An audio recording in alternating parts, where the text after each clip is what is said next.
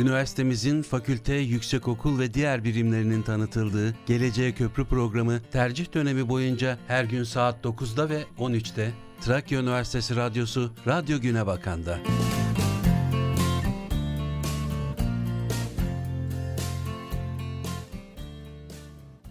Trakya Üniversitesi Radyosu Radyo Güne Bakan'da yeni bir Geleceğe Köprü programından herkese merhaba. Konuğumuz Trakya Üniversitesi Konservatuarı Müdürü Profesör Ahmet Hamdi Zafer. Aynı zamanda rektör yardımcımız. Hoş geldiniz. Çok teşekkür ederim. Çok teşekkür ederim.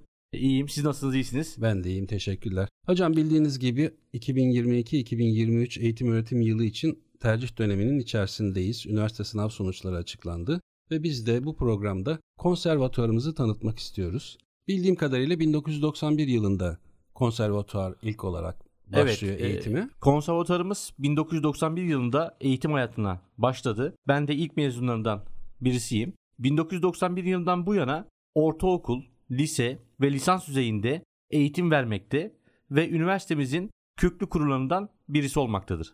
Peki hocam bu detayı da almış olduk. Çok da önemli bir detay aslında. İlk öğrencilerinden birisiniz. Evet. Ve şu anda da konservatuarın müdürüsünüz. Evet. Aynı zamanda da rektör yardımcısınız. Çok güzel. Bu süreci biliyor olmak çok büyük bir avantaj diye düşünüyorum. Evet, konservatuar eğitimi sizin de bildiğiniz gibi değerli hocam uzun bir süreçten geçiyor. Yani bu hayat boyu bir eğitim aslında. Hı hı. Çok küçük yaşlarda başlanılıyor. Avrupa'da ve Amerika'daki örneklerinde de aynı şekilde yol izliyorlar. Öğrencilerimiz bizim ortaokulda konservatuara başlıyorlar. Tabii ortaokuldan önce de geçen sene başlattığımız yarı zamanlı konservatuarımız var. O da ilkokulda yarı zamanlı olarak öğrencileri alıp ortaokula temel oluşturmak babında hizmet veriyor. Tabii e, gün geçtikçe konservatuarımızın kadrosu ve öğrenci sayısı da artmakta. Tam da onu soracaktım hocam. Akademik kadro ile ilgili biraz bilgi verebilir misiniz? Tercih yapmayı düşünen öğrencilerimiz için. Tabii. Şimdi konservatuarımız bir ana bölüm yani müzik bölümü adı altında 3 ana sanat dalından oluşmakta. Yaylı sazlar sanat dalı, piyano ana sanat dalı ve üflemeli vurmalı çalgılar ana sanat dalı olmak üzere 3 ana sanat dalının oluşturulduğu ve müzik ana sanat dalı çatısı altında oluşmaktadır. Yaylı sazlarda keman, viola, cello, kontrbas gibi enstrümanlarımızın eğitimi verilmektedir. Piyano ana sanat dalında piyano sadece eğitimi verilmekte. Hı hı. Üflemeli ve vurmalı çalgılar ana sanat dalında klarnet, flüt, oboa, trompet, korno, trombon, fagot ve vurmalı çalgılar enstrümanı olarak perküsyon, ksilafon gibi branşlarımız var. Her sene bu branşlara biz öğrenci almaktayız. Hocam bölümlerin detaylarına gireceğiz ama öncelikle akademik kadro ile ilgili bize biraz bilgi verebilir misiniz? Tabii alanlarında tecrübeli, deneyimli sanatçı hocalarımız var. Hocalarımız sürekli aktif bir şekilde konser vermekte ve aynı zamanda da biliyorsunuz ki bizim veda iftarımız bir Balkan Senfoni Orkestramız var. Hocalarımız aynı zamanda Balkan Senfoni Orkestrası'nda da görev almakta. Bu da tabii öğrencilerle birlikte hani hayat boyu eğitimin bir parçası olmakta. Peki deneyimli bir eğitim kadrosu var, eğitimci kadrosu var. Bunu biliyoruz.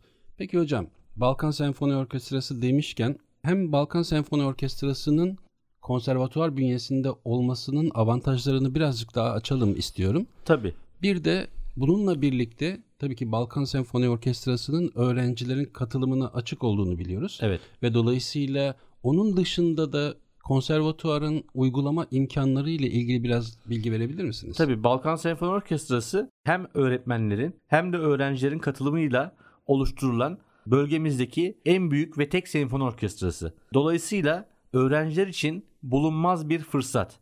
Yani usta çırak ilişkisinin en güzel örneklerini Balkan Senfoni Orkestrası'nda yaşıyorlar. Bunun yanı sıra öğrencilerimiz belli bir seviyede olduktan sonra kendileri resital, oda müziği gruplarına, topluluklarla konserler yapabiliyorlar.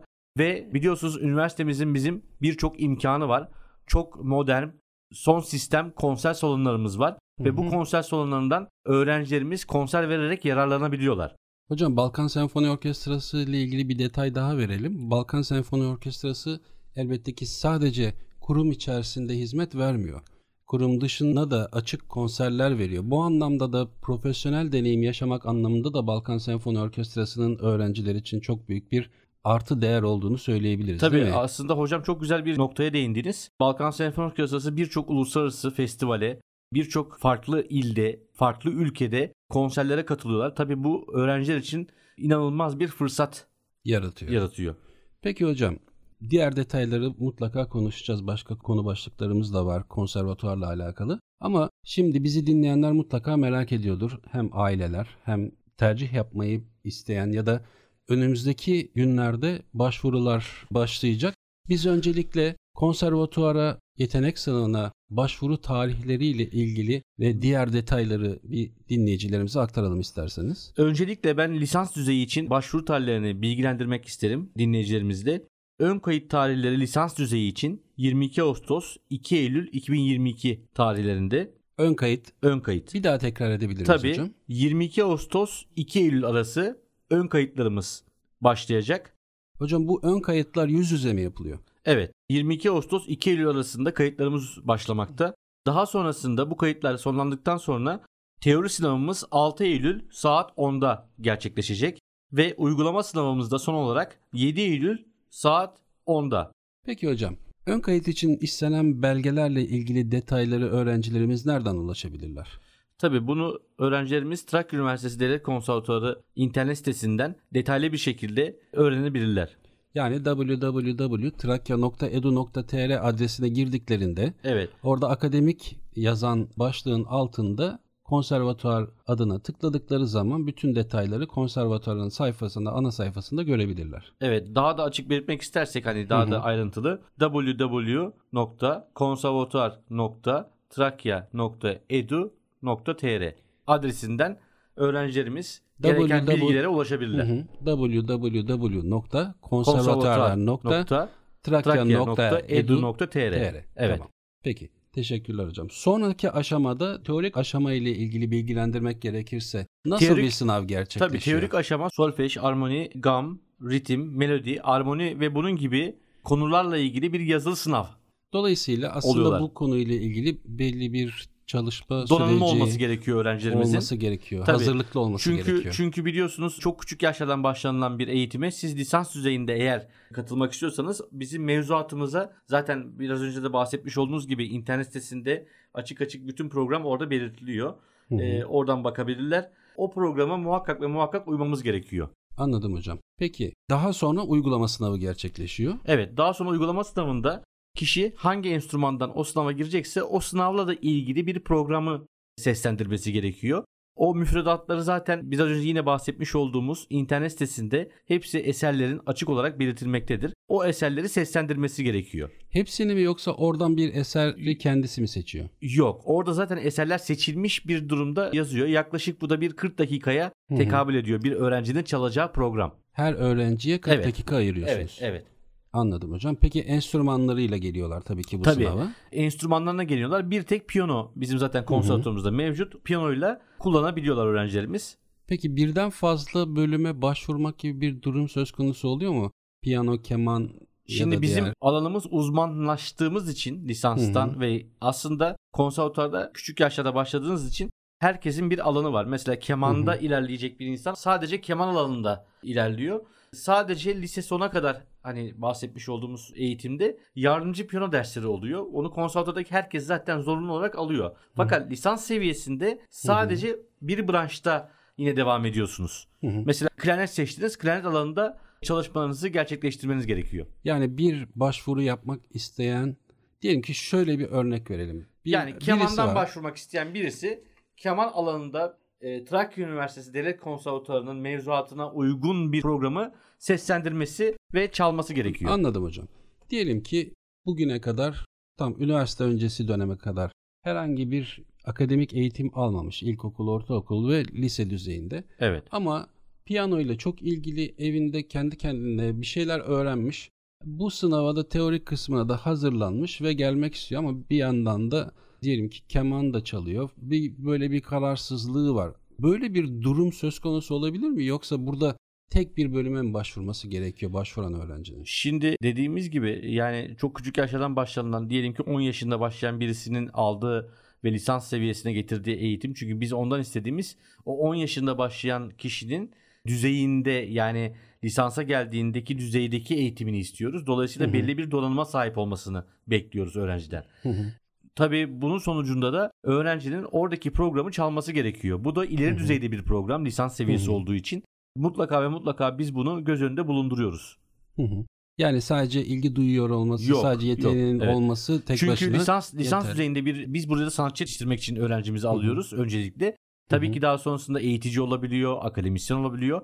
Ama birincil amacımız bizim sanatçı yetiştirmek. Alanında uzman sanatçılar yetiştirmek. O zaman şunun altını özellikle çizmemiz lazım. Trakya Üniversitesi Konservatuvarı'nda ilkokul seviyesinde yarı zamanlı öğrenciler kabul ediliyor. Evet. Ortaokul ve lise seviyesinde de tam, Tam zamanlı, zamanlı öğrenciler, öğrenciler kabul olarak ediliyor. başlıyorlar eğitimlerine. Yani aslında konservatuvar eğitimi almak, lisans düzeyinde eğitimi almak için ilkokul düzeyinde olmasa bile ortaokul ve lise düzeyinde bu eğitimi Yani almış ortaokul olmak lisedeki düzeyinde temeli olması gerekiyor. gerekiyor. Yani, Yani, biz temeli olmayan birisinin üzerine bina dikmemizin pek bir e, şeyi olmuyor. Hı hı. E, dolayısıyla temeli ne kadar sağlamsa ki bizim konservatuarımızın çok iyi bir eğitimi var. Türkiye çapında önemli konservatuarlardan, köklü konservatuardan birisiyiz. Hı hı. Dolayısıyla bizimle çalışmak isteyenler ortaokul, liseden itibaren ki biraz sonra da onların da size kayıt tarihlerini söyleyeceğim ortaokul, liselerinde. Temelden gelmeleri her zaman bizim için daha iyi. Çünkü biz ham bir şekilde alıp onu işliyoruz ve daha Hı hı. sonrasında uluslararası normlara, standartlara uygun müzisyen yetiştirmeyi amaçlıyoruz. Hı hı. Dolayısıyla aslında ailelere şunu söyleyebiliriz en azından. Belki lisans düzeyinde olmayıp da şu anda bizi dinleyen ilkokul, ortaokul ve lise seviyesindeki ailelere özellikle böyle yetenekleri olan, özellikle müzikle alakalı yeteneği olan çocuklarımızın konservatuarımızda eğitim alma şansı var. Bu da ilerleyen zamanlarda lisans eğitimine çok daha rahat bir şekilde entegre olmasını sağlayabiliyor. Kesinlikle hocam. Kesinlikle çok güzel söylediniz. Bizim konservatuarımızın hani şöyle bir örnekler de vereyim size. Ortaokul, liseden hani öğrencilerimizden bahsetmiştik. Bu öğrencilerimiz uluslararası yarışmalarda ödüller alıyor. Lisans seviyesindeki öğrencilerimizin de ödülleri var. Ama küçük yaşta mesela bu geçtiğimiz sene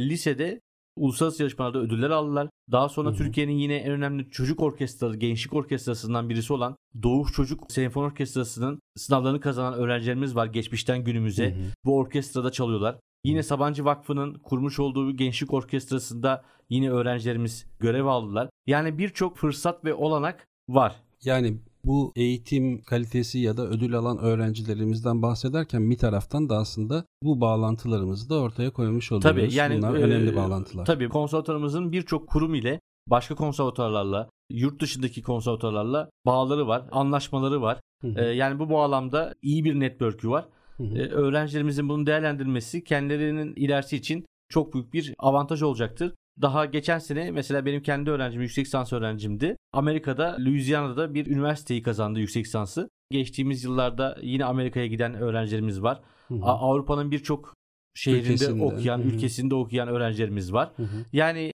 ilk söze başladığımızda sizin de bahsetmiş olduğunuz gibi 91 yılından bu yana artık kökleşen ve meyvelerini veren bir konservatuarımız var.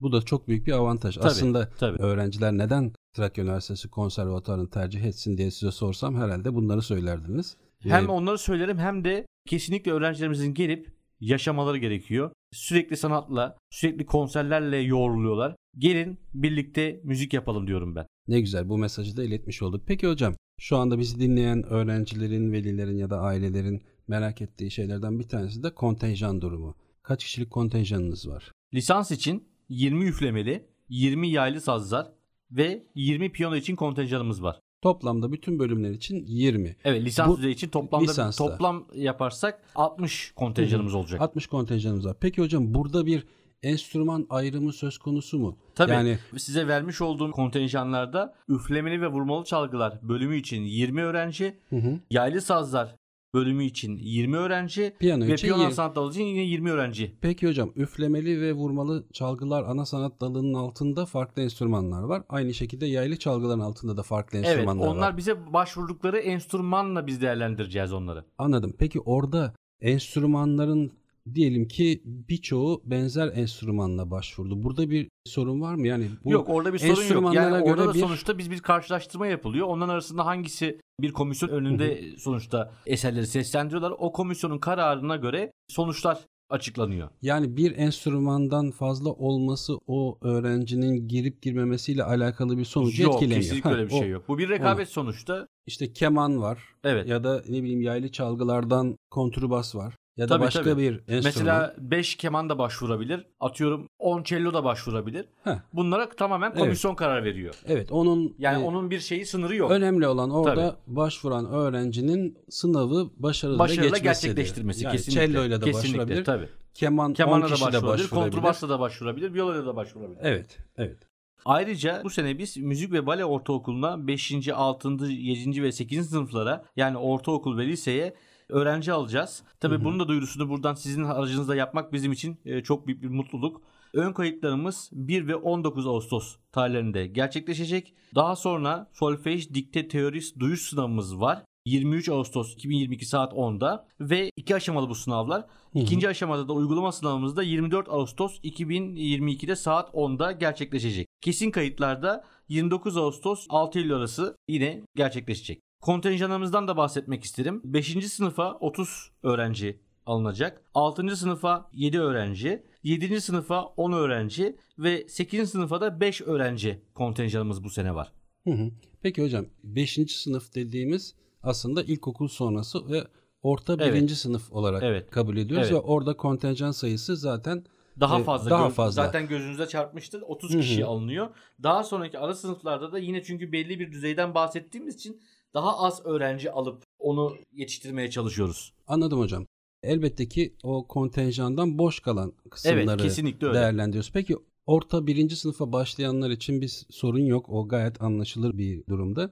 Diğer orta ikinci, üçüncü ve dördüncü sınıflara alacağımız kontenjanlar için. Onların e, da programı var. Yine onların da programını değerli dinleyicilerimiz hani öğrencilerimiz merak edenler internet adresinden öğrenebilirler. Orada çalınacak eserler hepsi belli. Hı hı. Şunu soracaktım hocam.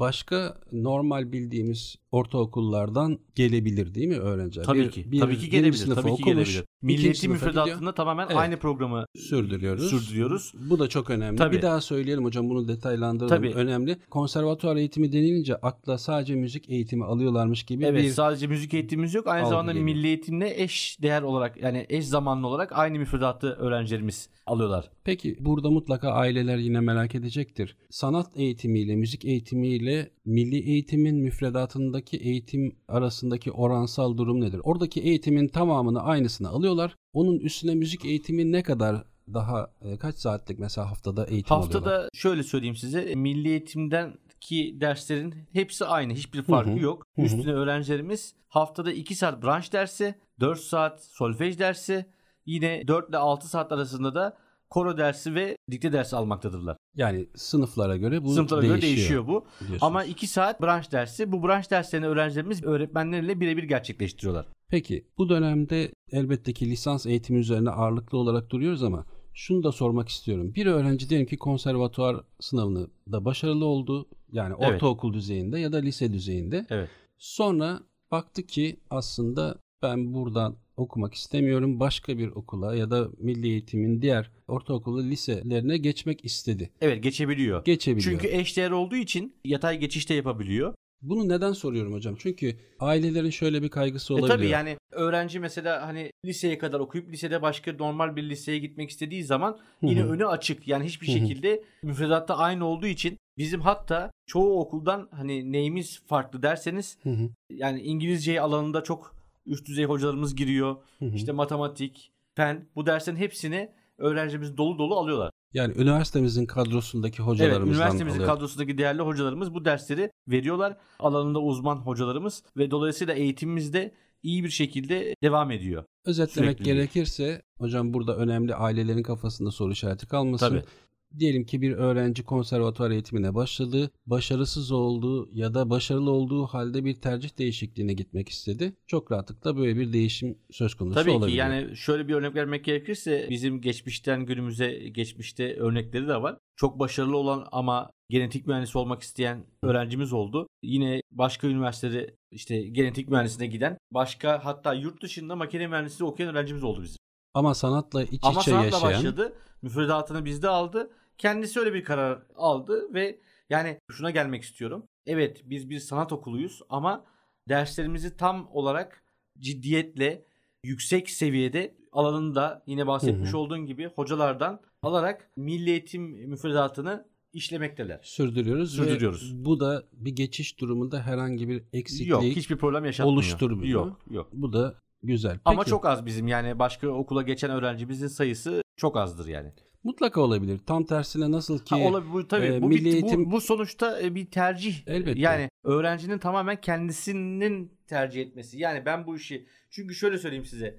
Biz çok küçük yaşta alıyoruz. Dolayısıyla öğrencinin kendi kararını verebilmesi de aslında çok zor ve güç. Onu yaşayarak, deneyimleyerek, zaman içerisinde çok doğru. kavrularak bunu İşte tam da aslında ailelerin kafasında soru işareti oluşmasının nedeni malum sebeplerle biliyoruz bir sürü sanat deyince algı biraz farklılaşıyor. Tabii. Mesela ben kendimden örnek durumlarda. vereyim. Ben ortaokulda evet kemana başladım. Lise ciddi bir öğrenciydim. Çalışıyordum, şey yapıyordum ama benim kafamda şekillenmesi lisansta şekillenmeye başladı. Mutlaka. Yani yönümü bir solist bir sanatçı mı olacağım? Hı hı. Bir orkestra sanatçısı mı olacağım? Yoksa bir eğitmenlik yönünde mi daha e, ilerleyeceğim? Şekillenmesi kafamda lisans seviyesinde gelince şekillenmeye, olgunlaşmaya başladı. Olgunlaştıkça. Tabii. Bir de şöyle bir şey var. Yani hem isteyen böyle bir tercih değişikliği söz konusu olduğunda gidebildiği gibi bir de çok önemli bir artı değer katıyor aslında konservatuvar eğitimi alıyor olmak. Birçok alanda ister mühendislik okuyun, ister tıp okuyun, ister hukuk fakültesinde okuyun aslında hepsinde doğru iletişim kurmak, sanattan anlamak, bir sahne tecrübesi, mikrofon tecrübesi kazanmak ya da bir enstrüman çalmayı bilmenin hayatın içerisinde her aşamasında hangi mesleği yaparsanız yapın çok ciddi bir katkısı olacaktır. Akademik anlamda illa bir enstrümanı devam ettirmeyebilirsiniz Tabii. ama bu eğitimin çok büyük faydası olacaktır diye düşünüyorum. Sayın hocam bir kere çok güzel bir noktaya yine parmak bastınız. Öğrencinin özgüvenini kazanması konusunda inanılmaz fırsatlar sunuyor. Hı hı. İyi değerlendirdikten sonra. Yani keman çalmak, piyano çalmak sadece başlı başına bir tek bir şey değil. Siz seyirci karşısına çıkıyorsunuz ve etkileşim gerçekleştiriyorsunuz. Evet. Belki gelecekte Türkiye'yi yönetecek insanlar da o sahne deneyiminden Evet. geçerek o kürsülere çıkacaklar. Tabii ki yani sanatın o inanılmaz fırsatlarını yaşayarak, çalışarak öğrenciler deneyimliyorlar.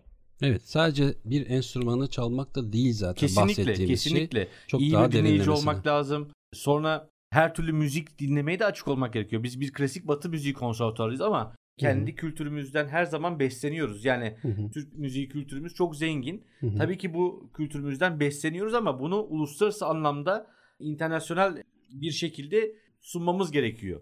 Peki hazır bahsetmişken klasik batı müziği eğitimi ağırlıklı olarak Evet, veriyorsunuz değil Ağırlıklı mi? klasik batı müziği eğitimimiz. Bunu biraz açabilir miyiz hocam? Klasik batı müziği dediğimiz zaman ne anlamalıyız? Şimdi klasik batı müziği çok sesli müzik anlamında. Tabii ilk olarak hepsinin kendi kuralları var. İşte solfejle başlıyoruz. Solfej demek okumak demek zaten. İlk önce öğrencilerimiz nota okumayı, akıcı bir şekilde anahtarları yani sol anahtarı, işte fa anahtarı gibi ki birçok anahtar da var. Onları öğreniyorlar. Daha sonra gördüğünü hemen çalması gerekiyor. O tabii bu hemen çalınmıyor. O da belli bir süreç işliyor. Pratik yapması gerekiyor. Yani klasik batı müziği tabii çok köklü bir müzik. İlk olarak Avrupa'da hani ortaya çıkmış bir müzik ama esas olarak çok sesli yani birçok partiyi içinde barındıran çok sesli bir müzik. Peki hocam. Aynı zamanda Türk Tabii Türk müziğinde çok sesli şekilde şimdi şöyle bizim Türk müziğimizin de çok önemli bestecileri var klasik müzik anlamında. İşte biz öğrencilerimize mutlaka ve mutlaka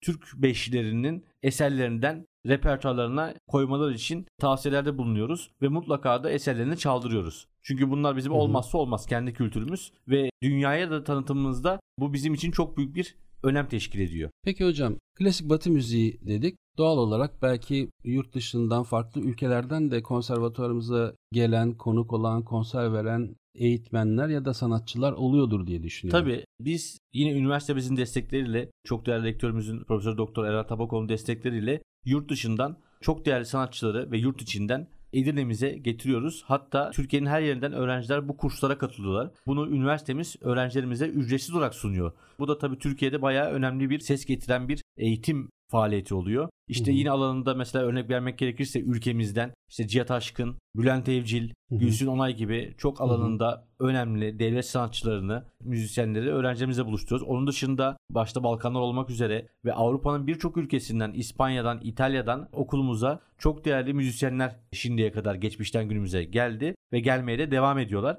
Biz her sene bunun planlamasını yapıyoruz ve her sene farklı sanatçılarla öğrencilerimizin karşısına çıkıyoruz. Yani her sene bir hafta veya iki haftalık kurslarımız oluyor ve biz bu kurslara alanında ün yapmış yani starları Trakya Üniversitesi bünyesinde konservatuarımıza getiriyoruz. Hı hı. Tabii starlardan bahsederken akademik starlarda, akademik anlamda Tabii ve akademik starlar ve akademik sanat yani şimdi şöyle sanatta biliyorsunuz işte mesela çok büyük sanatçılar var. Bunlar işte uluslararası menajerlik firmalarında çalışıyorlar falan. Hı hı hı. Ee, onları mesela davet ettiğimizde eğitim amaçlı olduğu için bizi kırmıyorlar. İlerimize geliyorlar ve e, burada öğrencilerimizle kendi deneyimlerini, tecrübelerini paylaşıyorlar. Yani Çok- workshoplar yapıyorlar. Hı hı. Bu çok büyük bir avantaj aslında. Öğrencilerin Trakya Üniversitesi konservatuarını tercih etmelerinde önemli unsurlardan biri Evet, olduğunu evet. düşünüyorum. Zira az önce sormuştum ama konuşamamıştık. Erasmus programından konuşacağız. Ama onun öncesinde şunu da söylemekte fayda var sanırım. Erasmus deneyimi yaşayacak öğrenciler belirli kriterleri var ve o kriterleri yerine getiren öğrenciler Erasmus kapsamında farklı ülkelerde eğitim görebiliyorlar. Ama siz bu yaptığınız uygulama ile birlikte aslında bir nevi Erasmus'taki eğitimi Trakya Üniversitesi Aslında kampüsüne getiriyoruz. getiriyorsunuz Getiriyoruz. ve bütün öğrencilerin farklı ülkelerden gelen önemli sanatçıların tecrübelerinden faydalanmalarını sağlıyorsunuz. Tabii. Yani şu an mesela Erasmus'ta bir öğrencimiz çok başarılı o da Kemal öğrencimiz Erasmus'tan İspanya'da yüksek lisans yapıyor mesela. Hı hı, hı hı. Yani Madrid'de çok yine Madrid'in önemli konservatuarından bir tanesinde anlaşmamız var. Erasmus'la kendisi oraya gitti ve şu an yüksek lisansını bildiğim kadarıyla bir ay önce yüksek lisansını orada bitirdi. Peki hocam Erasmus kapsamında öğrencilerimiz farklı ülkelere gidebiliyorlar. Evet. Böyle bir şansları var. Ama tabii ki bunun belli başlı kriterleri var. Belli bir Tabii dil öncelikle sınavını öncelikle konservatuarımızın anlaşmalı olduğu Erasmus elbette. ile ilgili üniversitelere gidebiliyorlar.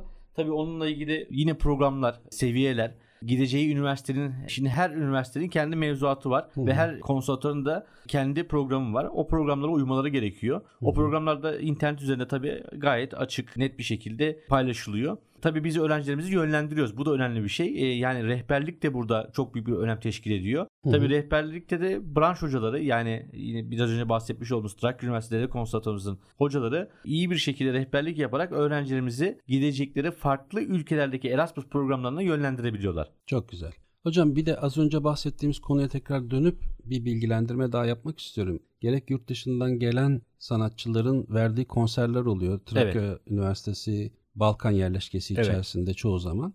Ya da Balkan yerleşkesi dışında da verilen konserler oluyor. Yine konservatuarımızın organizasyonu dahilinde ve bunların e, en azından bir kısmı bildiğim kadarıyla halka açık konserler oluyor. Yani neredeyse tamamı aslında halka Evet, açık konserlerimizin ücretsiz bir şekilde gerçekleştiriliyor. Bu da Trakya'nın sanat hayatında çok önemli bir rol oynuyor. Kesinlikle. Hazır bu programda konservatuarı konuşuyorken aslında bunları duyurmak için özellikle Evet. bu konuyu açtım. Gerek yurt dışından gelen gerekse bizim kendi içimizdeki Trakya Üniversitesi Konservatuarı bünyesindeki değerli Evet. hocalarımızın, sanatçılarımızın, akademisyenlerimizin vermiş olduğu da birçok konser oluyor. Tabii. Dolayısıyla bu konserlerin duyurularını da hem konservatuarımızın sayfasından hem de sosyal medya hesaplarından Tabii takip Üniversitesi'nin, ederlerse- Trakya Üniversitesi'nin kendi web sayfasından, sosyal medya hesaplarımızdan duyurular yapılıyor. Neredeyse biz yani eğitim dönemi içerisinde ayda yaklaşık en az iki konser gerçekleştiriyoruz. Bu da Trakya bölgesinin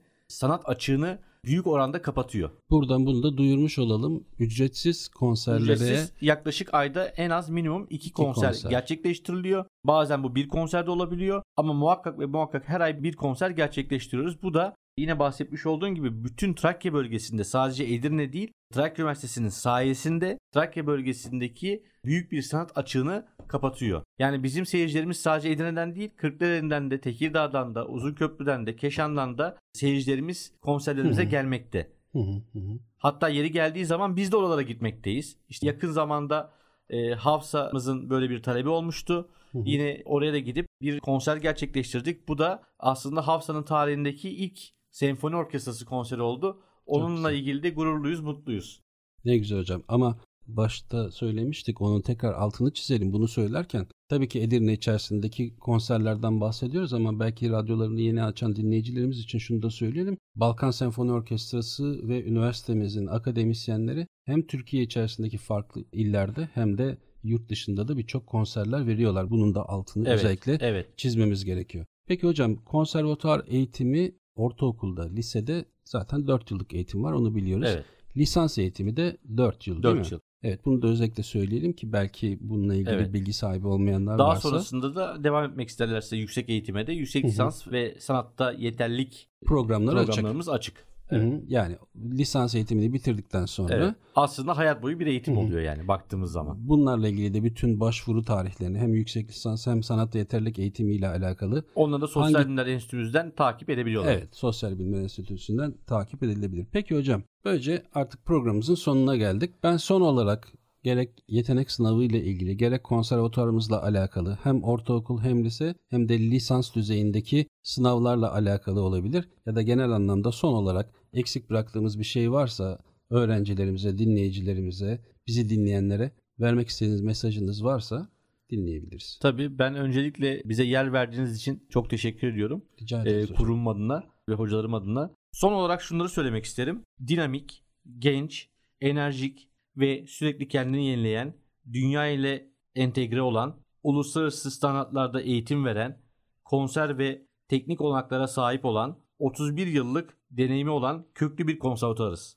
Dolayısıyla sanat eğitimi almak isteyen bütün öğrencileri Trakya Üniversitesi Devlet Konservatuarımıza bekliyoruz.